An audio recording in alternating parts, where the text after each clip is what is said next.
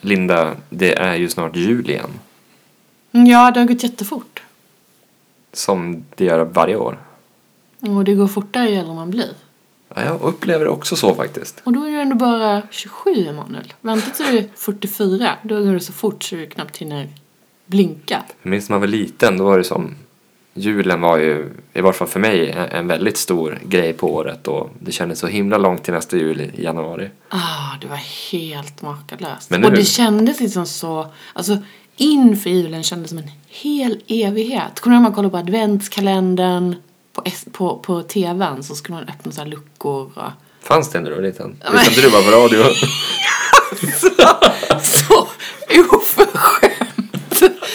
Ja, det fanns. Nej, jag, jag Eh, skojar bara. Teskedsgumman. Trolltider, nej teskedsgumman är till och med jag lite för ung för. Okej. Eh, men Trolltider är den första jag minns. Eh, och sen var det den här med Johannes eh, Brost då, de här liksom stjärnfigurerna kommer jag ihåg. Eh, men Trolltider var nu den absoluta favoriten. Ja, min favorit är Sunes jul. Min är Allram Okej. och Höjdarna. Har du inte sett Allram och Höjdarna? Mm, Nej. Du måste se Allram och Höjdarna. Det var en bra tanke, Franke. Alltså höjdarna är helt underbara. Och så. Allram och Chet som är typ, ja men som du och jag. De leder liksom julkalendern. Men, men höjdarna är ju experterna och huvud liksom programmet. då tror jag Mysteriet på Greveholm var bättre. Nej. Det tror jag inte. Nej men nu, kolla, kolla Allram Ja, och jag Ja, ja. Hur ska du fira jul?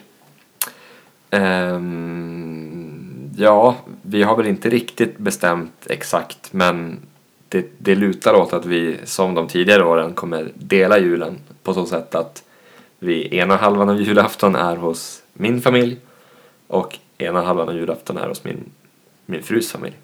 Ja, för det är ju det där med att räcka till för alla. Ja, men man vill ju umgås med alla Ja. under, julen och framförallt på julafton för det är ju någonstans den dagen som är den riktiga på något sätt, tycker jag.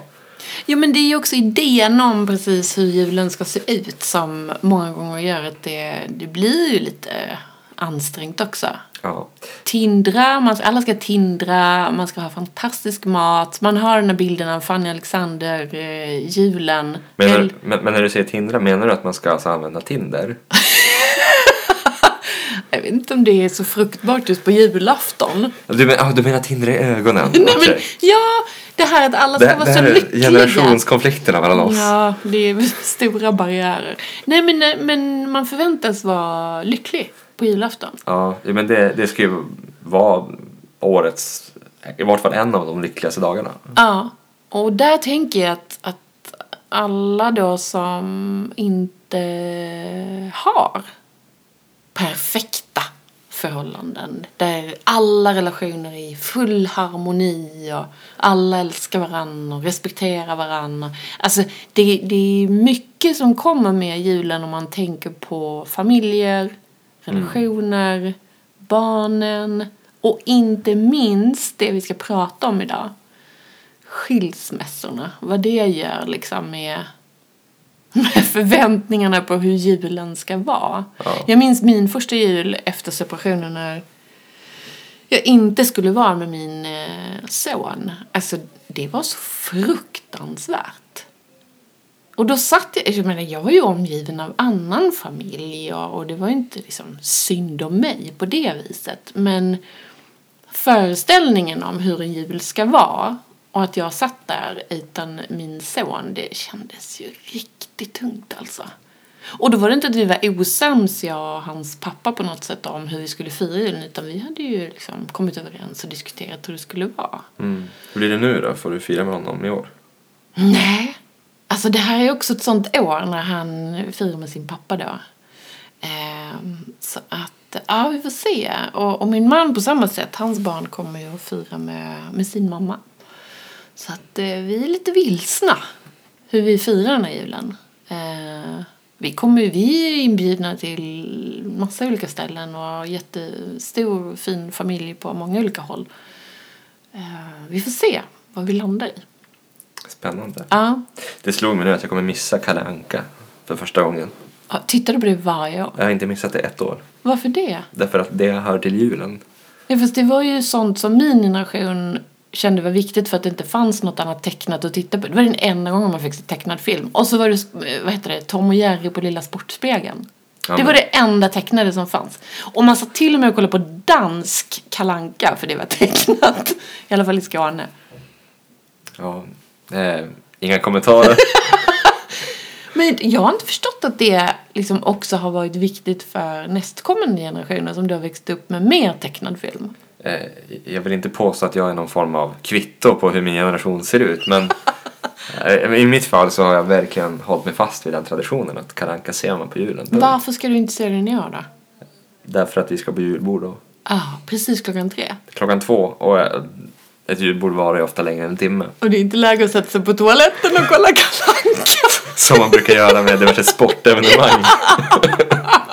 Smyga undan liksom. Jag vet inte hur många gånger jag har gjort det. Alltså. Matcher. Ja, Ja. ja Men du, eh, vi ska prata om eh, julen och skilsmässorna och det blir lite juridik men det blir väldigt mycket psykologi idag. Ja, jättespännande. Ja, för Linda Löverfors som är psykolog och terapeut ska komma och prata med oss och ge oss goda råd om hur vi ska förhålla oss till utmaningarna kring julen. Ja, Får vi se vilka diagnoser vi har också. ja det, det är nog du mest.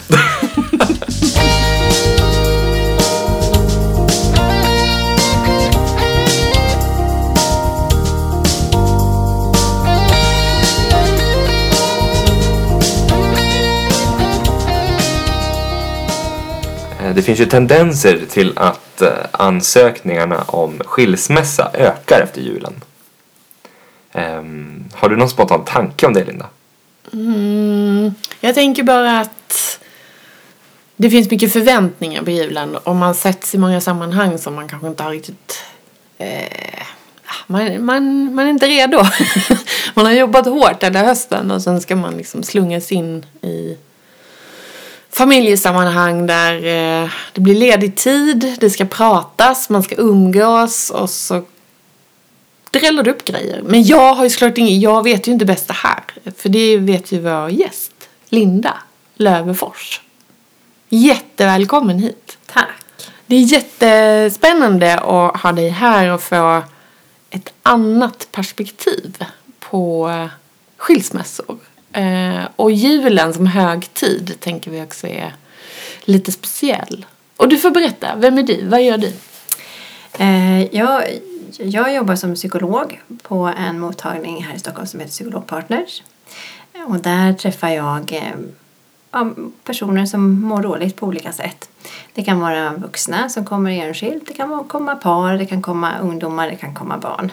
Och de kan komma i olika typer av konstellationer. Och med olika typer av svårigheter. Och en del kan ju vara relaterade till just det här med relationer.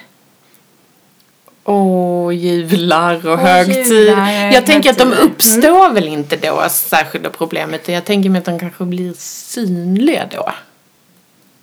Under julen tänkte du? Ja, eller semestrar generellt. Men, men problemen kanske inte liksom... Man skiljer sig inte för att man har haft en tråkig julafton. Dåliga julklappar. Nej, det får vi hoppas nu är det nog. Som när jag fick en pepparkvarn till exempel. Det var inte, ja. Nej, men, men jag tänker att det... Vad är det som gör att, att julen kan vara lite laddad, tror du? När man talar om, om, om jul så har vi ju alla olika typer av föreställningar kring hur man tänker sig att den perfekta julen ska vara. Jag vet inte, ni har ju hunnit prata lite om era jular här precis innan. Men man kanske tänker sig att en jul ska vara lugn och man ska hinna ta tid för varandra och man ska hinna alla ska vara glada, man ska hinna träffa släkten och den kan ju befinna sig på flera ställen än ett. Ja, för Manuel, ni ska ju vara på två ställen till exempel. Ja, vi växlar ju under Ja. själva julafton. Ja. Just det. Ungefär vid Kalle Anka. Ja, och det där kan ju vara ganska för en del bekymmerslöst. Alltså det är därför inga problem. Vi löser det. Vi, vi hittar någon slags strategi eller någon plan som är hållbar rent tidsmässigt. Men för en del kan ju det här vara väldigt stressfullt. Eh, Och att, att stressen är kanske det som är mest påtagligt under julen. Som du var inne på. Det kan vara jul eller stress under hela hösten. För att man jobbar hårt och så, så nu äntligen ska vi få vara lite lediga. Men det kan ju också vara stress för att den här, ja, hur ska vi hinna få maten klar innan Kalle Anka och hur ska vi hinna få alla de här delarna och hur ska barnen hållas glada? Så det är många saker som dyker upp förstås och framförallt de föreställningarna som man kanske har med sig in. Vi pratade just om det med Fanny Alexander i julen, den stora gemenskapen där alla liksom tindrar glada och det är mat och klappar och vacker dukning och paketen är inslagna med guld och glitter. Alltså man tänker på hur mycket arbete som ligger bakom en, en sån sammankomst. Eh, det blir mycket att leva upp till. Ja. Och här, här är det ju då eh, absolut risk för massa konflikter. Mm. Där om man inte har hunnit prata igenom de här sakerna innan eller när man har olika förväntningar. Om man tänker då vuxna eh, som lever i, ja, men som par och så, så står man just inför liksom den här, vi ska fira jul. Vad, vad ska man tänka på eh, om man vill undvika konflikter, separationer, skilsmässor? Eh, är det något, kan man liksom göra, kan man tänka på något särskilt? Eh, det första jag kommer att tänka på nu, jag har ju ingen universallösning förstås. Nej, jag förstår men, men det. det är väl att, att man kan börja kommunicera. Jag vill jättegärna att vi gör på det här viset. Och därför att. Att man förklarar så att den andra personen har lättare att förstå varför det är så viktigt för mig att vi gör på det här viset. Ja. Eh, sen betyder ju inte det att man får sin vilja igenom alla gånger. Men, men att bara ha lyft upp det så att det inte bara känns som ett krav kan ju underlätta för den andra personen och då kanske den kan ta ställning till om den kan kompromissa och gå med på den här önskan som den andra parten då har uttryckt.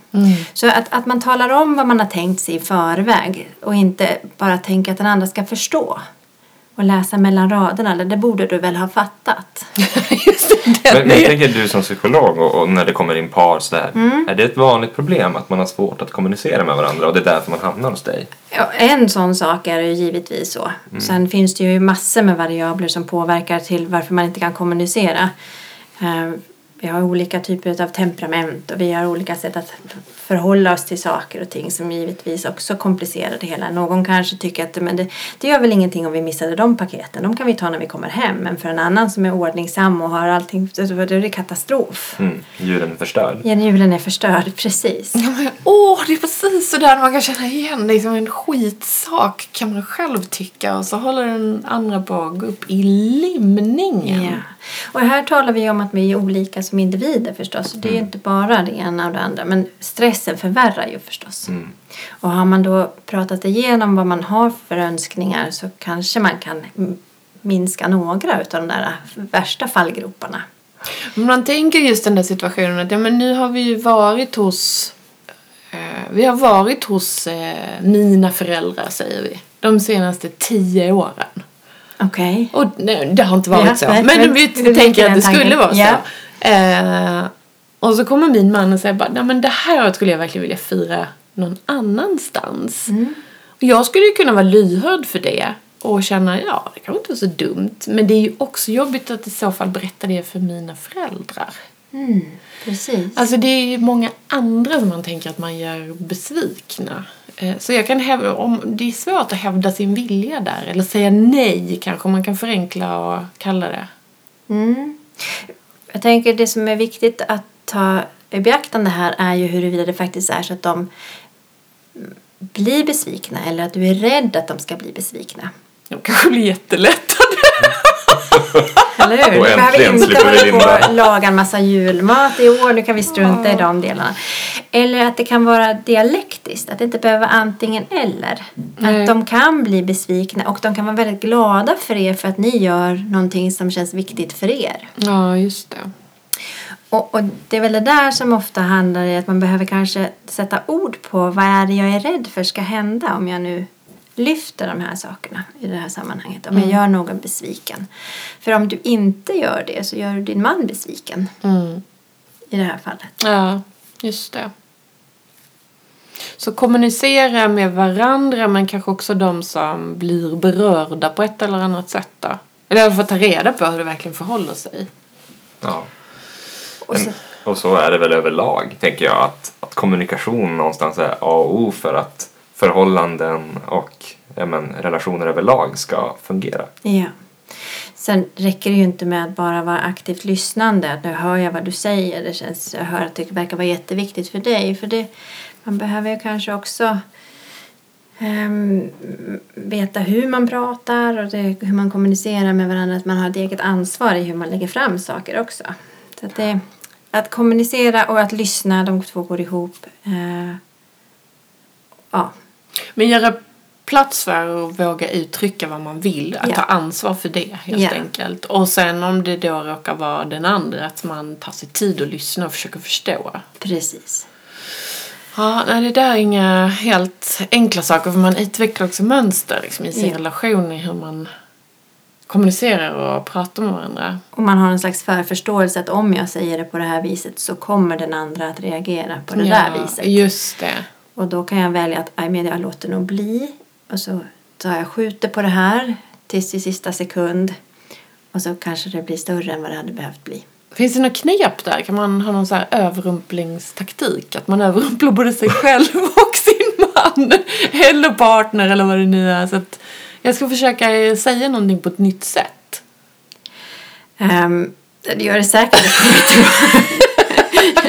det blev jag lite överrumplad här om jag ska vara... eh, men, men jag tänker så här, det är så, vi är ju vana människor. Vi tenderar ju att fortsätta göra lika. Men, men om vi nu vill göra något annat, om vi tänker oss att vi vill ändra på oss själva så kanske vi ska fundera oss och ställa oss i den andra personens skor. Hur skulle den andra vilja? Ja. Att man har liksom tränat lite grann på det här med perspektivtagande istället för att bara hålla fast vid vad man själv tycker. Då kanske man hittar på ett sätt att säga det också som, som landar lite bättre. Just det. Annars är det ju oftast att bara du ändrar dig så kommer allting bli bra. Men det kan ju lika gärna vara jag som behöver ändra mig. Ja. Ja, verkligen. Och det är väl det enda man kan ändra på, höll jag på att säga. Sig själv.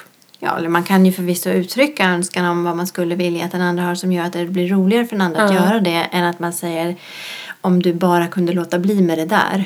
Så. Mm. Just det. Det är någon slags underförstått hot. Just det. Ja. Mm, det, är, lite olika kommunikationsstilar förstås. Ja.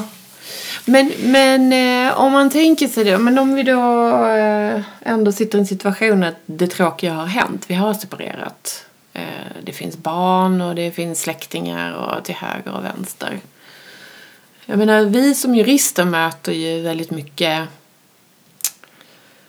tyvärr par då som inte kan komma överens. Eh, barnen drabbas ju oerhört hårt av det såklart men det sliter på alla i familjekonstellationen och där blir det precis som vi pratade om innan, det blir väldigt synligt vid högtider. Ja. Då kommer förväntningarna igen. Ingen vill fira jul utan barn och familj. Och det, man drar och sliter i varandra och barnen. Och hur ska man tänka där som vuxen och som förälder? Vad har jag för ansvar? Hur kan jag lösa upp sådana här knutar? Vad, vad ska jag göra? Som mamma eller pappa eller... Ja, så än en gång är det svårt att hitta någon slags universell lösning eftersom att vi alla är olika och man kanske har kommit olika långt i sin process med, med den här skilsmässan. Någon kanske fortfarande är arg och ledsen. Då är det förstås svårare att vara generös. Mm. Om, om jag har blivit dumpad eller, eller fått någon slags, känner mig oförrättad på något sätt så, så kanske jag inte alls har så stor lust att bara låta dig få ha barnen eller välja först eller så. Utan då vill jag bestämma. Men det man vill tänka på är väl att inte dra in barnen så att de behöver vara en del av den här diskussionen. Där man kan hitta andra former hur man kommunicerar. Mm. Och inte använda barnen som ja, nu säger mamma så här. Eller nej, du får inte för, för pappa kan inte komma överens med mamma. Så, lägga skulden på någon förälder. Ja. Jag tänker att det är ju så, har man då ändå som hamnat i det där så är det väl att, att samtala, ja, man vill väl ändå tänka vilken typ av förälder vill jag vara? Mm. Vad vill jag, vad vill jag att mina barn ska ha? För typ, vad vill, vilken mamma eller pappa vill jag vara och vad, vad är viktigast för barnen? Ja. Att man ska försöka tänka det perspektivet och det är ju som sagt inte så lätt när man är arg eller ledsen. Nu är det ju svårt naturligtvis när, när det är liksom irriterat i, i relationen, om man ska säga. Men rent juridiskt kan man ju upprätta ett avtal om umgänge. Just det. Där man liksom har någonting att ja, men, falla tillbaka på. Ehm, och jag tänker rent ur ett psykologiskt perspektiv kanske det är gynnsamt också. För att det blir enklare att arbeta med sina förväntningar och man vet Ja. mer vad som kommer att hända. Ja. Förhoppningsvis i alla fall om det nu det här av- avtalet följs. Eh, Men hur skulle du säga ur ett psykologiskt perspektiv att, att det kan vara gynnsamt eller hur tänker du? Ja, Jag tänker absolut att det kan vara hjälpsamt för då, då är det ju någon annan som, som eh, lägger ett raster på vad man har för valmöjligheter. Eh, jag tänker det är ju... Jag kan ju vilja vad jag vill. Alltså jag kan tycka att det här är fel, jag kan vara jätteupprörd. Men om det finns ett beslut som säger att vi ska dela då måste vi hitta någon slags lösning. Och sen vet inte jag hur det är för er del om ni vet om, om det går till tvist. Alltså att man ändå inte kommer fram till någon, någon lösning. Vad som händer då. Alltså man jobbar ju med, om man verkligen inte kan komma överens, eh, det kan ju vara tre olika saker. Det är vårdnad eh, och det är egentligen den frågan som rör vilka av föräldrarna, om det är en eller båda, som har rätt att fatta beslut, alltså viktiga beslut kring barnen som var de ska gå i skola och sådär. Sen har du ju frågan om var barnet ska bo. Eh, och det är det man brukar prata om, barnets stadigvarande boende. Och där blir det ju i Sverige allt vanligare med växelvis. Det vill säga man, barnet bor hälften hälften egentligen. Och sen den sista som egentligen kommer upp och som berör kanske just storhelger, det är det man kallar umgänge. Ehm, och då pratar man om barnets rätt till umgänge och den tycker jag försvinner lite grann ibland i, i diskussioner och konflikter mellan vuxna. Du hade henne förra året, nu är det minsann min tur att fira jul. Ja. Och, och det är liksom helt fel, alltså juridiskt är det fel formulerat. Sen kan jag ju förstå, jag menar rent mänskligt att man som förälder tänker så. Men det är ju barnets rätt till båda föräldrarna som om tingsrätt ska fatta beslut så är det bara det de tittar på. De bryr sig inte om vem som hade förra julen. Nej. Utan de tittar på vad blir bäst för barnet. Var, var får barnet det bäst när den ska fira jul. Eh, och det är klart att där ser man ju om man tidigt, alltså redan håller på att dela upp sakerna. Eller ännu hellre, ännu tidigare kan prata om hur lägger vi upp liksom vad, vad, vad blir bäst för våra barn? Och just de tre avseendena också. Ska vi ha gemensam vårdnad? Ja, men det är ju det vanligaste. Ska vi eh, ha växelvis boende eller ska barnen bo mer hos den ena eller den andra? Och i så fall, hur delar vi också upp det här med semestrar och högtider? För det är alltid då, man, man märker direkt när par inte har gjort en plan. Då blir det diskussioner vid varje sånt tillfälle. Ja. Och det sliter på barnen. Precis. Beroende på vilken ålder Ja. de är. Mm. Så har man då det som du var inne på, om det finns tydligt angivet hur Ja. det ska fördelas så slipper man ju en del av de där konflikterna. Man kan fortfarande vara ledsen, arg och besviken. Men det, men det tar ju bort en del av kanske manövreringsutrymmet. Ja. Jag kan tänka mig att, att domstolarna liksom nu under hösten tar väldigt många, det heter ju interimistiska beslut. Då tar de liksom tillfälliga beslut i avvaktan på att de ska ta något slutligt beslut så att säga. En dom om var barnet ska bo eller hur, hur umgänget ska se ut. Då fastställer man ju det i en dom över lång tid. Men i avvaktan på att man har kommit dit så fattar de då interimistiska beslut som ger då eh, barnet rätt till umgänge med antingen ja, men den ena eller den andra föräldern. Eh, och då formulerar de det oftast så att det också ska fungera över flera högtider för att undvika att barnen ska liksom hamna i konflikter vid varje högtid. Ja.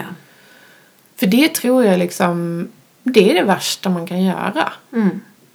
mot barnet. Ehm, och även, precis som du, alltså som ni var inne på det med att veta som vuxen. Jag berättade för Emanuel att jag firade, efter separationen så firade jag min första jul utan min son. Hur meningslöst det kändes. Och, just, och jag var inte arg eller sur på hans pappa men, men att jag visste att det skulle vara så gjorde att jag hann ju också förbereda mig. Mm. Och inte minst förbereda min familj. Mm. Min mamma, min pappa och andra på att det blir ingen jul liksom med, med min son det här året. Det. Eh, för att ha rätt förväntningar i det. Mm. Men tyvärr det vi ser är ju att många kommer sent. Det är när det, de har liksom, de har bråkat i evigheter. Ja. Och sen kommer de, vi kan inte lösa det liksom.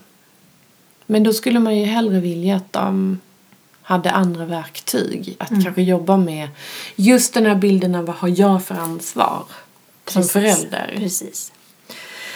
Så dels har man då ett ansvar inför i en högtid så att man liksom lägger rätt ribba. Man kanske ska sänka vissa stress eller vissa krav helt enkelt. Ta bort för att försöka, både som vi var inne på tidigare, förebygga men också eh, även om det har hänt då att, att fortfarande ha rätt nivå så att stressnivåerna kommer lägre eller mindre. Och om man nu ska dela upp sig att, att man då har det där beslutet som eventuellt som hjälp eh, och att sen får man väl liksom vara förberedd själv mentalt på att, att det är annorlunda. Och där har man ju också ett eget ansvar. Som vi var inne på det här med att skydda barnen eller inte. Jag tänker att föräldrarna har en dialog och diskussion utan att dra in barnen kanske också är en, en fördel i mångt och mycket. Och så när väl barnet är hos den föräldern som det har bli- blivit sagt att den ska vara hos att det får vara lugnt och trevligt då. Ja. Eh, Sen eh, finns det ju väl massor med olika förstås komplikationer. Det kan ju mycket väl vara så att barnet har en preferens och vill vara hos en förälder mer än den andra av någon anledning. Och det här kan ju också väcka jättemycket känslor hos den förälder då som då inte kan vara med det barnet. Eller Jag som känner sig bortvald nästan Ja, kanske. dels det och sen den andra som då vet med sig att det här barnet är inte riktigt lika glad när den är eller i alla fall inte uttrycker glädje av att vara där och så blir det en ännu svårare separation i det sammanhanget när man vet att det är högtidligt också mycket, mycket man ska ha mycket tid tillsammans jämförelsevis med en vanlig helg kanske. Men hur ska man fixa det då liksom som, som vuxen? Mitt barn vill inte åka Mm.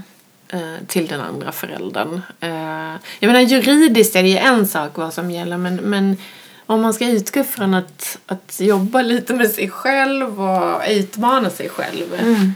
Eh, för det är väl det det blir. Att göra avkall på sina egna behov och önskemål till Ja. förmån för någon annan. Det är inte lätt. Nej. Särskilt inte om man som du säger är arg eller ledsen. Mm. Eller har egna utmaningar. För det kan ju vara så att man som vuxen inte kanske förmår bättre alla gånger heller. Nej. Och det behöver man ju också tänka till kring förstås. Men ja, man behöver ta ett ansvar. Ja. Om man är, som, är man vuxen så är det den man får ta det ansvaret. Och, och åsidosätta sina egna känslor i samband med att man ska försöka för, vad heter det, förverka ett Alltså flytta över barnet till... Ja, inte förverka. Vet- Det är typ så här utplåna eller Ja, något. precis. Jag menar så här, att man ska förflytta barnet Förflytta från den ena ja. till den Ja. andra. Eller den andra ena föräldern ska komma och hämta barnet. Så att säga. Ja, och de situationerna brukar också bli jobbiga då. Ja. Ja.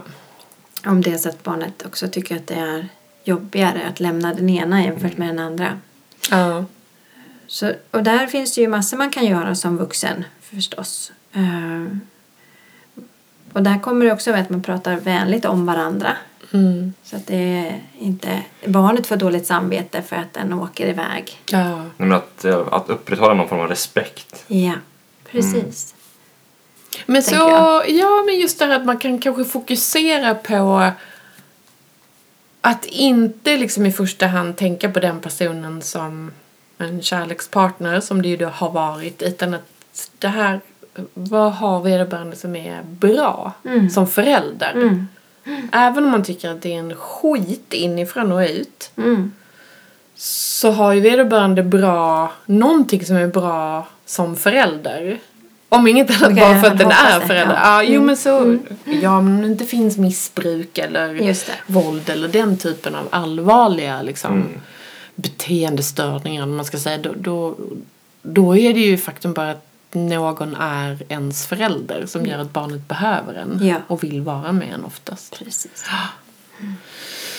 Ja, nej men det där är, det är jättesvårt. Men, men just att ta det egna ansvaret, förbereda sig, kanske ha en plan B.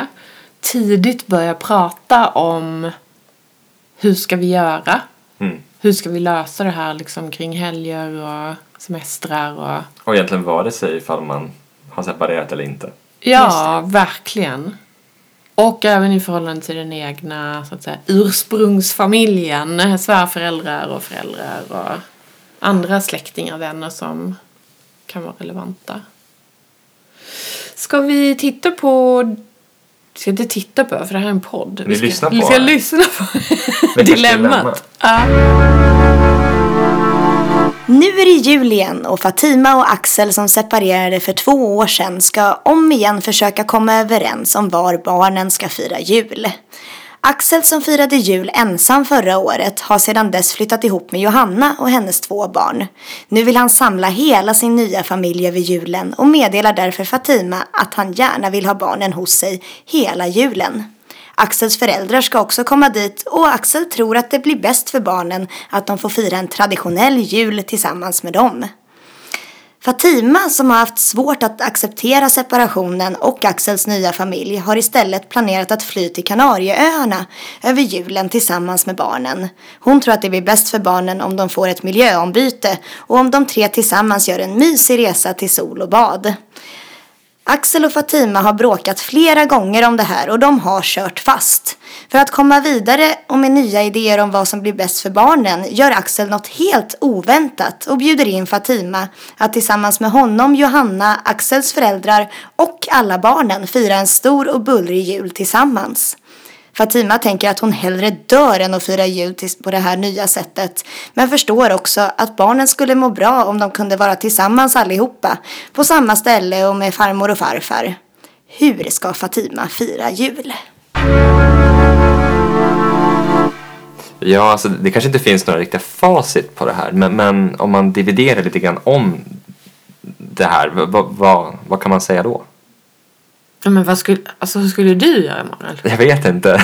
alltså, sjukt. Eh, eller sjukt är det inte på något sätt. Men, men, men jag kan... Men det är absolut inte sjukt, för det är ju... Nej, det är ju inte sjukt. Men jag Nej. tänkte säga att det, det blir en sjukt in, alltså, spännande situation att hamna i för Fatima. Ja. På alla sätt. Ja. Alltså, Extremt förs- utmanande. Man förstår ju verkligen att, att hon kanske initialt inte vill. Nej. Det har jag full förståelse för. Ja. Samtidigt som det kanske finns en poäng att faktiskt genomföra det. Jag vet inte. Jag tror barnen skulle ju älska det. Om de vuxna kan hålla sams. Ja, då var det ju det då. Ja. Precis, så det beror ju lite på hur upprörd Fatima är i det här läget. Om hon fortfarande är arg så att det är, står i vägen. För det- Hon behöver kanske ta sig en funderare på om hon kan vara en, en förälder som inte sitter och... är- Hon skulle kunna gå på den här festen och, och agera stort, så att säga. Se den, den stora bilden av att det här gynnar barnen. Men hon skulle ju också kunna gå dit och sitta och sura i ett hörn och spela martyr. Ja, En form av upplösningstillstånd. Ja, och som ett, här sitter jag minsann bara för att ni... Som är någon slags passivt aggressivt beteende. Men det gäller att hon bestämmer sig. Hon behöver bestämma sig Mm. ordentligt. Sen får man väl fundera på att, eh, jag vet inte, utifrån det här dilemmat så, så är det svårt att veta om det är det rätta. Att, hon ska, att det är hon som ska anpassa sig Ja. till att vara med. Men det är en annan vinkling. Ja. Men om hon skulle vara det, så, alltså är med där, så är ju det att hon behöver fundera kanske på egen hand. Vilken typ av förälder vill jag vara? Vilken typ av exfru vill jag vara? Och vad är det jag vill att barnen ska uppleva? Men hur mycket val har man där? Om, om känslorna verkligen briserar och man, Mm. man styrs ganska mycket av dem. Det är klart att någonstans har man ändå val. Att man, att man, man agerar ju som man väljer att göra. Mm. Ja, det, det kan ju ändå vara, även om man vill vara god så att säga så Ja. kan, kan det, känslorna ta över. Absolut. Att man läcker vad man tänker. ja men precis. Absolut. Så, så man kanske behöver ha tänkt ut en liten plan i förväg. Om det är så att det uppstår någon sån situation under kvällens lopp och att man har bestämt att man går dit. Och att det uppstår en situation där man tycker att det blir jobbigt. Man kanske ska gå på toaletten, ta en liten paus, få någon slags andhämtning. Man kanske ska bestämt sig för hur länge man ska vara kvar. Så att man, man tänker sig att man inte måste vara där hela kvällen om det blir jobbigt. För vi kan ju faktiskt inte veta ännu. De har ju inte gjort det här förut. Så vi har ju ingen aning om hur det blir för Fatima. Nej, och jag tänker utifrån det vet man inte hur det blir för barnen heller. För, för som du säger, det är oerhört viktigt liksom vad hon bestämmer sig för. Det, det, hon blir liksom bärare. Och hade jag varit Fatima så hade jag nog velat säga bara Hej, hej Johanna. Det är jag som är liksom barnens mamma. Jag har fått en inbjudan att fira jul. Hur känner du? Var, alltså, då vill man ju veta vem Johanna är också. Lägger över lite grann på henne. Nej, men nog känner att jag vill dela det där ansvaret med att också min eh, man och hans nya committar till att vi gör det här för barnen. Ja. För då kan jag förvänta mig att också kanske bli omhändertagen och bemött där. Inte som en inkräktare utan som någon som är lite en del i familjen. Som barnens mamma. Ja, exakt. Svärföräldrarna känner jag ju rimligtvis. Om, de har um, alltså om de har varit gifta i flera år så har hon ju firat jul med dem tidigare och träffat dem. Och, och det är också så här, var står de? För i vissa skilsmässor så upplever liksom andra släktingar att de måste välja sida. Men en sån här gång också, om man om då de skulle kunna träffas innan. Ehm, och helt enkelt bara prata ut om att ja, men, det här är en speciell situation. Och lägga korten på borden för alla inser att det är en väldigt speciell situation. Och att man helt enkelt tillsammans på något sätt kommer fram till en plan att ja, men nu gör vi så här och vi försöker försöker få ihop det här på ett vettigt sätt. Det kan också vara en bra idé kanske. Ja. Ja, det, alltså jag tänker all, alla idéer är nog bra. Man får väl se det som passar just det här individer, alltså de här individerna. En del kanske skulle tycka att det funkar bra. och För en del kanske det är, för Fatima kanske det är jättejobbigt. Det är oklart. Mm. Jag tänker det, där går det inte att göra. Men, men Istället för att komma dit bara Ja, jag. Att precis. man ändå har, har lagt, ja, men sagt att det här är jobbigt, nu Ja. försöker vi. vi försöker göra det här så gott vi kan. Och alla anstränger sig till att det ska bli så bra som möjligt. Ett, ett, precis. En fälla man kan gå i här också, det beror ju på hur gamla barnen är. Men om barnen är lite större, låt säga att de är kanske till och med tonåringar. Då skulle jag ju råda Fatima till att också prata med dem.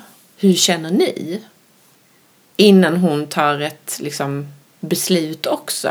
Dels kan det ju vara att de skulle känna men det blir en jättejobbig situation. Vi vill inte ens fira jul där för att våra nya bonussyskon eh, vi funkar inte bra eller Johan, vad vet jag.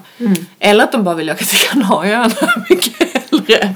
Men, men det jag vill komma åt är ju att beroende på barnens ålder så bör man kanske också involvera dem i beslutet. Men då ska de vara upp i tonåren tycker jag. Mindre barn ska absolut inte blandas in i frågan förrän man har bestämt sig. Liksom. Då informerar man mer om nu blir det så här den Ja. här julen. Precis. Håller du med mig Linda? Ja men både och. Jag jag tänker det är ju det är en utmaning det där hur, hur, eh, hur mycket ansvar vi ska lägga på barnen. Eh, För det här blir ju ändå, ska de ta beslut i om mamma, eller, mamma ska vara med eller inte? Så det är givetvis en åldersaspekt i det hela. Men även ett äldre barn kan ju ha lojalitetssvårigheter och tycka att det är jobbigt även där. Ja. Så att eh, bara för att ett barn är lite äldre betyder ju inte att den kanske alltid mäktar med den Nej. delen. Men det är nog viktigt Så man får att, titta på att, vad, vad är det för typ av barn och vad Ja. har man för typ av kommunikation sedan tidigare.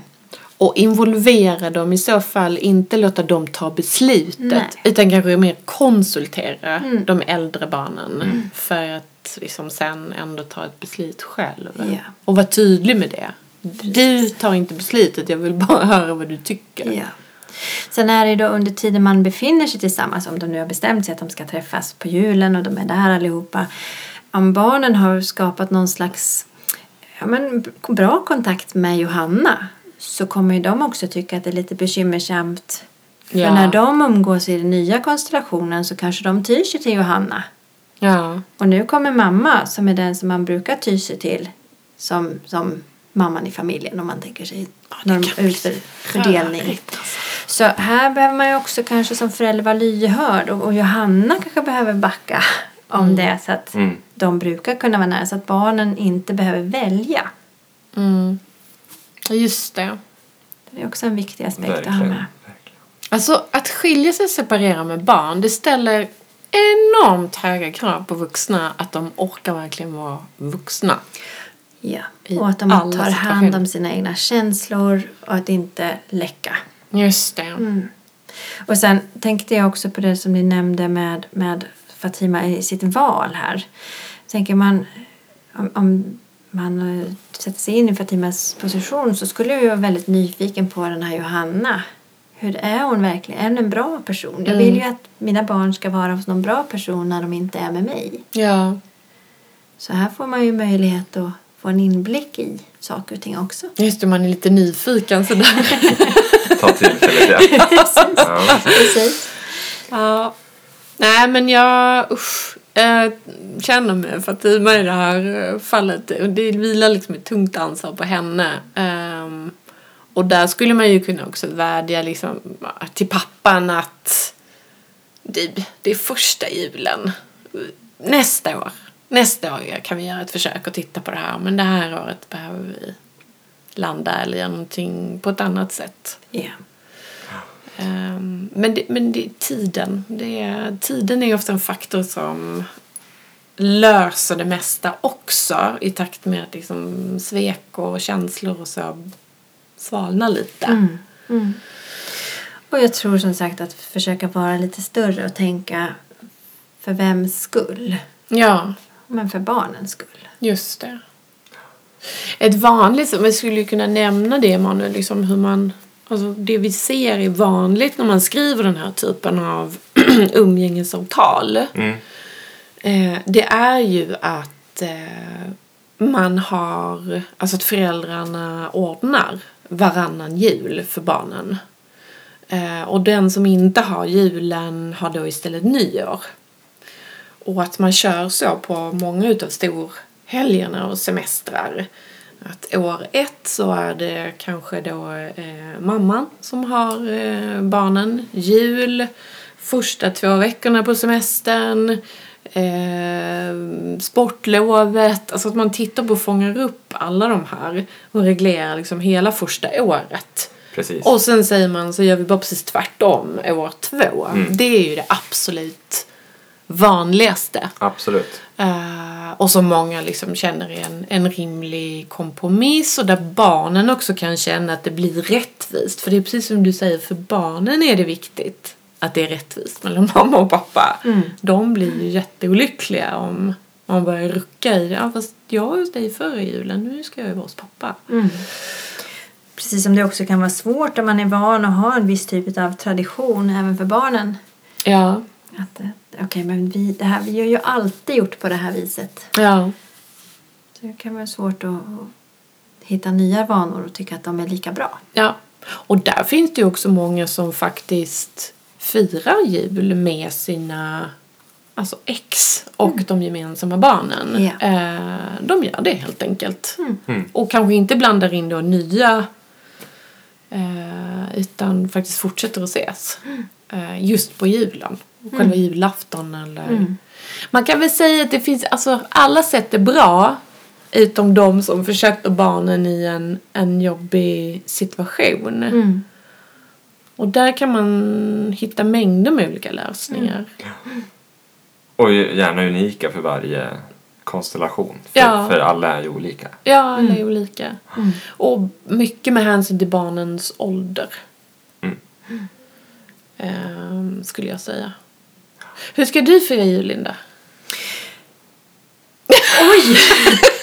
På tal om att ha många olika alternativ Ja. att välja mellan så brukar det vara antingen med min pappa eller med min mamma. Ja. Eller med min moster. Ja. Och där brukar min mamma ingå också. Så att vi får väl se. Det har Ja. inte riktigt hunnit bestämma sig nu. Nej. Jag ska i alla fall fira den tillsammans med min son. Ja, Så mycket vet jag. härligt. Då är den saken Den klar. saken är klar. Ja.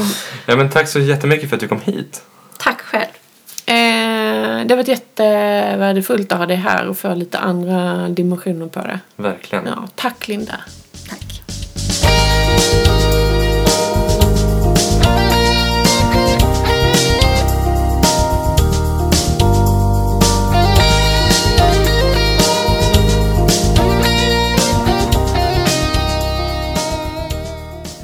Det här var sista avsnittet för säsongen, Linda. Ja, känns eh, Ja men det känns bra för vi kommer tillbaka i en andra säsong. Vi gör ju det. Så det blir liksom inget så här tårdrypande farväl. Nej, snarare god jul och gott nytt år och så ses vi i januari igen. Ja, och innan. Just det. Eh, året ut så erbjuder vi rabatterade priser. 250 kronor rabatt för ett juridiskt dokument upprättat efter ett telefonsamtal med en jurist. Och så 100 kronor i rabatt för upprättande av handlingar via våra online-tjänster. Och då är ju koden podden 2018 med stort P och två D. Och vet man inte vilka dokument man behöver så kan man kontakta oss och få hjälp med en eh, livsbesiktning eller en behovsanalys. Precis. Så hjälper vi till. Och kostnadsfritt såklart berättar vad du utifrån din livssituation behöver. Ja. Jag har aldrig fått vara med på de här eftersnacken tidigare. Nej, du vill ju inte vara med på dem. Nu vill jag det. Ja, Men vi ses eh, nästa, vi hörs nästa säsong. det gör vi. Ha Ha det fint så länge. God jul!